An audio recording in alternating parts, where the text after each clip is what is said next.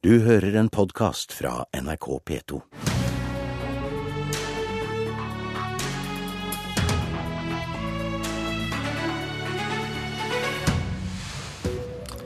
God morgen og velkommen til Politisk kvarter, statsminister Erna Solberg. Takk. Senere i dag skal du oppsummere halvåret det ikke er så lett å glemme. Asylstrømmen kom til Norge. Har regjeringsplattformen og samarbeidsavtalen med Venstre og KrF mistet betydning denne høsten? Nei, det har den ikke. Og derfor leverer vi på samarbeids... eh, Altså på plattformen vi har, og på Sundvolden-erklæringen og, og på samarbeidsavtalen.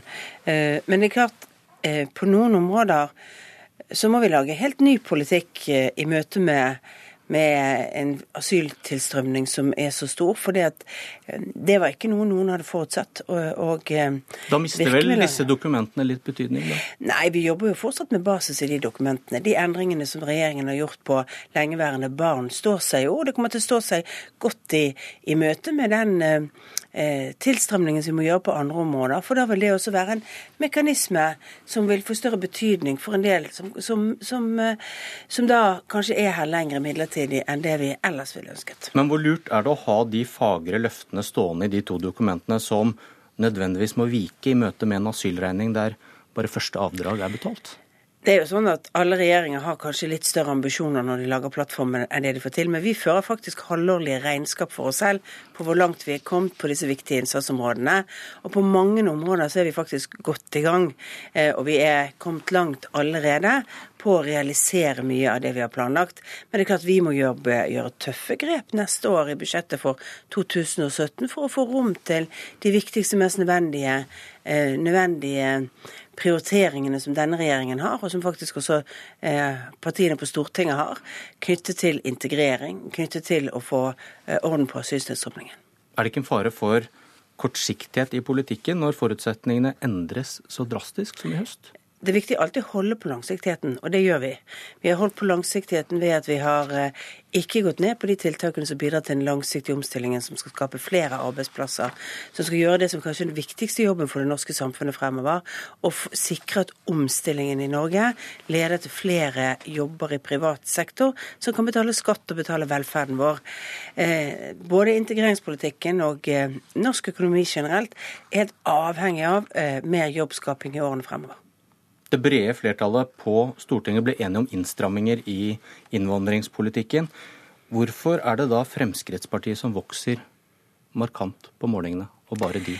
Altså, det, å, det, det kunne du egentlig eh, mest av alt ha spurt eh, analytikere om. Vi politikere, vi har, eh, har eh, Høyre-lederen bryr seg ikke. Jo, men, men Frp har i mange år vært eksponent for en stram asylpolitikk. Det har andre av oss også vært, men de har vært de som har vært sterkest på det. Når det er uro blant folk, eh, og et, et tema som et parti har stor eh, ja, stort eierskap til, så vokser de ofte. Og så- så ser jeg også at, eh, at det betyr at regjeringen nå totalt sett har faktisk igjen et flertall bak seg i meningsmålingen, og det er bra inn i julen. Men skal vi tro på at Høyre-lederen ikke bryr seg om at Frp stjeler velgerne hennes? Jo, det, jeg er opptatt av å vinne det tilbake, men jeg er ikke urolig over kortsiktige velgerendringer. Jeg er glad for at folk ser at regjeringen faktisk gjør en god jobb på dette området. Får kontroll over, over tilstrømningen. Selv om det er veldig vanskelig. Vi vet at det kommer, kan komme større bølger eh, utover våren. For det er helt avhengig av ikke bare den norske regjeringen, men også at Europa klarer å få orden på dette. Ja, for som du asyltilstrømningen er vel ikke kortsiktig. Og så da, i går delte du ut myke og harde pakker, og Frp syns nok de fikk en hard en. De fikk en ny statsråd med ansvar for både innvandring og integrering. Og hvis dette da blir like viktig fremover, hva skal hindre at du mister enda flere velgere til Frp? De skal styre dette feltet, og du innrømmer selv at de har et slags eierskap. på Alle, alle statsråder i denne regjeringen jobber i fellesskap på vegne av Høyre og Frp. Men det er Frp som fell- vinner. Nei, det er det ikke. Det er Du ser jo det på målingene. Ja, men det, akkurat nå er det Frp som vinner, og så, så vil dette gå opp og ned.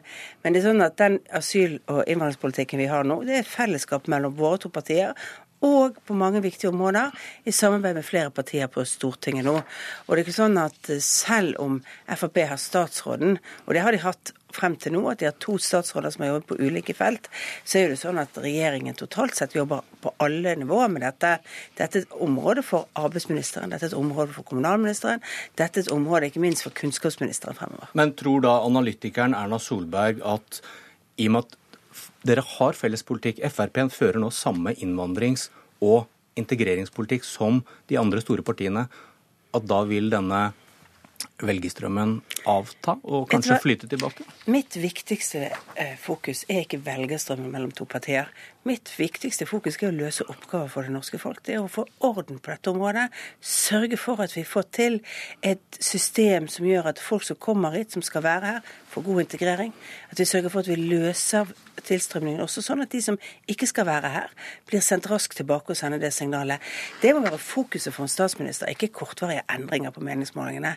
Eh, da får du ikke gjort jobben, og jeg har tenkt å gjøre den jobben. Ok, uh, Til noe du selv sa da, For noen år siden sa du at et stort Høyre er viktig for et borgerlig samarbeid. Hva skjer hvis Frp blir for store? Det er sånne ting som jeg ikke bryr meg med å spekulere i. Jeg er opptatt av å løse oppgaver. Eh, I dag skal jeg oppsummere halvårlig pressekonferanse. Ikke spekulere om hva som måtte skje om nesten to år ved et valg. Eh, men jeg tror at vi kommer til å ha et sterkt Høyre ved neste valg. Men det forutsetningen for det er faktisk at vi løser oppgavene på veien, og det gjør vi. Takk til analytiker Solberg. Du, øh, du sier det var viktig å se innvandring og integrering i sammenheng, og derfor fikk vi en ny statsråd med ansvar for dette. Kan man ikke si det samme om vår tids største utfordring, for å sitere deg. For f.eks. lage et energi- og klimadepartement? Det kunne vært en, en, idé å gjøre. Det har faktisk vært blant diskusjoner vi har hatt tidligere før regjeringsdannelsen, men så passet det best å fortsette med den, eh, den løsningen vi har i dag, med én klimaminister. Og det har vært et krevende jobb for klimaministeren, ikke minst pga. det store, eh, altså store arbeidet som har vært både internasjonalt for å få til eh, avtalen i Paris. Men handler det om hvilken krise regjeringen syns er viktigst? Nei, nei men, men så jobber faktisk eh, energiministeren og klimaministeren i denne regjeringen veldig godt sammen. Kanskje Sveinung Rotevatn fra Venstre hadde rett. Han sa at det virker som vi bare har plass til å løse én krise av gangen? Denne regjeringen jobber med flere kriser på en gang. Media har tendens til å ha fokus på én krise, men vi jobber med arbeidsledighetsøkningen, langsiktig omstillingen. Vi får ned sykehuskøene i Norge. Vi får løst flere oppgaver. Vi utvider eh, skoletiden når det gjelder naturfag. Så regjeringen klarer å ha flere tanker i hodet, jobbe med flere saker. Fordi vi vet at det er helheten som er viktig for folk. Eh, det er ikke bare én enkelt krise, selv om det er der mediefokuset er størst. Handler det om at Norges svar etter Paris ikke ligger i Norge? Den gamle europaministeren er satt til å sørge for at kuttene kommer andre steder? Nei, den eh, gamle europaministeren satt til både å forhandle om EU eh, e om den Eh, avtalen vi skal ha på ikke, altså ikke-kvotepliktig sektor, om hvordan vi skal ta de 40 kuttene. Men han er også ekstremt engasjert, og det vet jeg som han har vært min stabssjef, for det grønne skiftet, for hvordan vi skal sørge for å få omstillingen til en grønnere økonomisk basis for Norge. Det har han jobbet mye med også som min stabssjef, og det kommer han fortsatt til å jobbe med. Dette er fordi dette er en dyktig politiker som skal forsøke seg på et område som kanskje også gjør han mer synlig, så også resten av Norge får se hvor dyktig han er. Hvilke konsekvenser får Parisavtalen når du skal bestemme om vi skal lete etter og utvinne nye oljefelt? Først og fremst så vil Parisavtalen komme til å ha konsekvenser sannsynligvis for den langsiktige, langsiktige prissettingen av fossile brennstoffer. så svaret er ingen? For deg? Jeg, hvis jeg får lov å svare, ja, du, svarte, du begynte nei, ikke å svare på spørsmålet? skjønner Jo, nei, Den langsiktige prisen Den langsiktige prisen vil også ha betydning for hvilke felt som bygges ut. Det er klart. Men det er også sånn at det vil være etterspørsel etter olje og gass fremover. Men det er forskjell på om er, du mener at det er markedet og oljeprisen som skal styre dette, eller hva du legger opp til av nye konsesjonsrunder om du vil åpne Lofoten og Vesterålen? Altså, Vi mener at vi skal oppnå Lofoten og Vesterålen for en konsekvensvurdering. og Så skal vi se på resultatene av den konsekvensvurderingen, men det er ikke politikken til denne regjeringen for øyeblikket. Men du mener at det er markedet og oljeprisen som skal styre hvilke felt som skal åpnes? Ja. Du vil ikke bremse som politiker? Nei, for det vil være markedet og prissettingen og hva som er lønnsomt å bygge ut, som vil være avgjørende for Norges absolutt viktigste næring. Fordi jeg vet at i Europa så er den viktigste kilden å ta ut av energiforsyningen, det er kull. Og Der er bl.a. naturgass en viktig overgangsenergikilde. Og det Norge produserer nå, mer naturgass enn vi produserer olje. Noen mener jo at gass også kanskje fortrenger satsing på fornybar. Man blir søvnig, man får norsk gass. Da trenger vi ikke bruke penger på å utvikle alternative energikilder. Det er ingen bilder på Europa som ikke sier at man utvikler alternative energikilder. Og i det lange løp så kommer alle fossile brennstofftyper til å ha en veldig liten betydning. Men da ser vi ganske langt frem. Men på veien for også å sørge for at vi ikke overstiger to grader, og helst ned mot 1,5, så vil man måtte skifte ut kull først. Og da vil det være rom for, for mer gass i Europa. Oljepris under 40 dollar fatet. Statoil tilbyr alle sluttpakker. Du sa vel selv i går at vi trenger noe nytt og grønt. Og tenkte du da, der du sto, på de fem milliardene dere tar fra Statkraft, som nå fører til at de dropper satsing på kraft fra havvind? Nei, jeg tenkte ikke på det. Jeg tenkte på at vi trenger veldig mye annet nytt. Men i Norge, i vår egen energibalanse, så har vi for, for, tiden overskudd. Og det har vi på et ganske langt perspektiv på kraft. Det betyr at en del fornybar energi er vanskelig å få inn eh, i det norske energimarkedet. På lengre sikt er det viktig at Norge deltar i det. Men det å skape nye arbeidsplasser i Norge, ja, det dreier seg om å, å skape f.eks. flere innenfor helse, for velferdsteknologi. Det dreier seg om å skape den de teknologimiljøene som har jobbet med olje, over til å jobbe på andre sektorer. Det trenger ikke å være energi. Vi kommer ikke i Norge til å løse omstillingen til, til fremtidens eh, velferdsfinansiering bare ved å snakke om fornybar energi. Vi må faktisk snakke om den store bredden av andre ting vi skal drive med. Men er det du sier at eh, så lenge arbeidsplassene ikke kommer i Norge, så er du ikke så opptatt av, eh, av, fornybar energi? Jeg er opptatt av fornybar energi. Derfor er en av de tingene vi er blitt enige med Venstre og Kristelig Folkeparti om, er jo et nytt investeringsselskap for nettopp det. Men det er viktig å si at jobb nummer én er å skaffe jobber i Norge som betaler skatt i Norge, og som bidrar til velferdsutviklingen i Norge.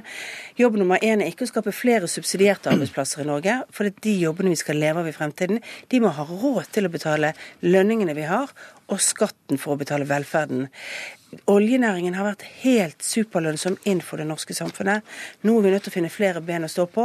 Og da er det ikke bare fornybar energi, selv om det er viktig, og det kommer til å være én del av løsningen. Det er en stor sektor av andre tiltak som bidrar til det grønne. Vårt karbonfotavtrykk skal bli mindre fremover, men det betyr ikke bare at vi skal snakke om energi, vi skal snakke om mange flere sektorer. Vi har snakket om de store utfordringene for Norge. Det virker som om noen mener Per Sandberg burde stå på den lista å ta den inn i regjering, er det en symbolsk spiker i kista for en firepartiregjering? Nei, det er det ikke. Per Sandberg kommer til å bli en god fiskeriminister. Han kommer til å bli, sette sitt preg på diskusjonen rundt fiskeri på, langs kysten. Og fiskerinæringen er en av de lønnsomme næringene vi skal leve av for fremtiden. Og nå får de en markert og god statsråd. De har hatt en god statsråd, men de kommer til å få en enda mer markert statsråd for, for dette, og for å diskutere kystens utfordringer. Så du tror fremdeles at en firepartiregjering kan se dagens lys? Jeg håper jo på et bredt borgerlig samarbeid, og så går det opp og ned i forhold til det. Men det viktigste for folk, det er jo at vi leverer god politikk hver dag, og det gjør vi. Du, I går sa du at nå må andre snakke om FrPs primærpolitikk. Per Sandberg sier at han vil snakke fritt om FrPs politikk. Han vil bare være tydelig på hvilken hatt han har på. Eh, kan han som nestleder kritisere regjeringens politikk der Frp ikke får gjennomslag?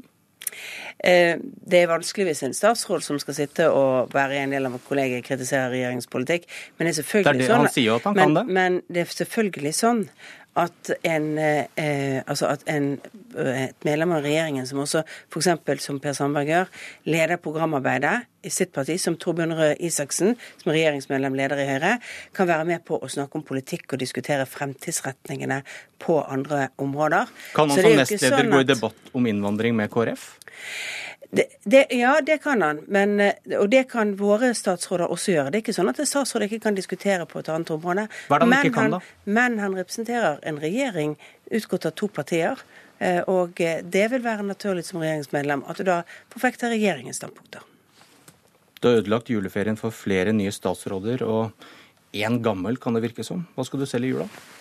Jeg skal eh, slappe av i Bergen, håper jeg. Krysser fingrene for at uh, det ikke skjer noe dramatisk. Men uh, man skal alltid være litt på vakt. Takk, Erna Solberg. Dette var Politisk kvarter. Jeg heter Bjørn Myklebust.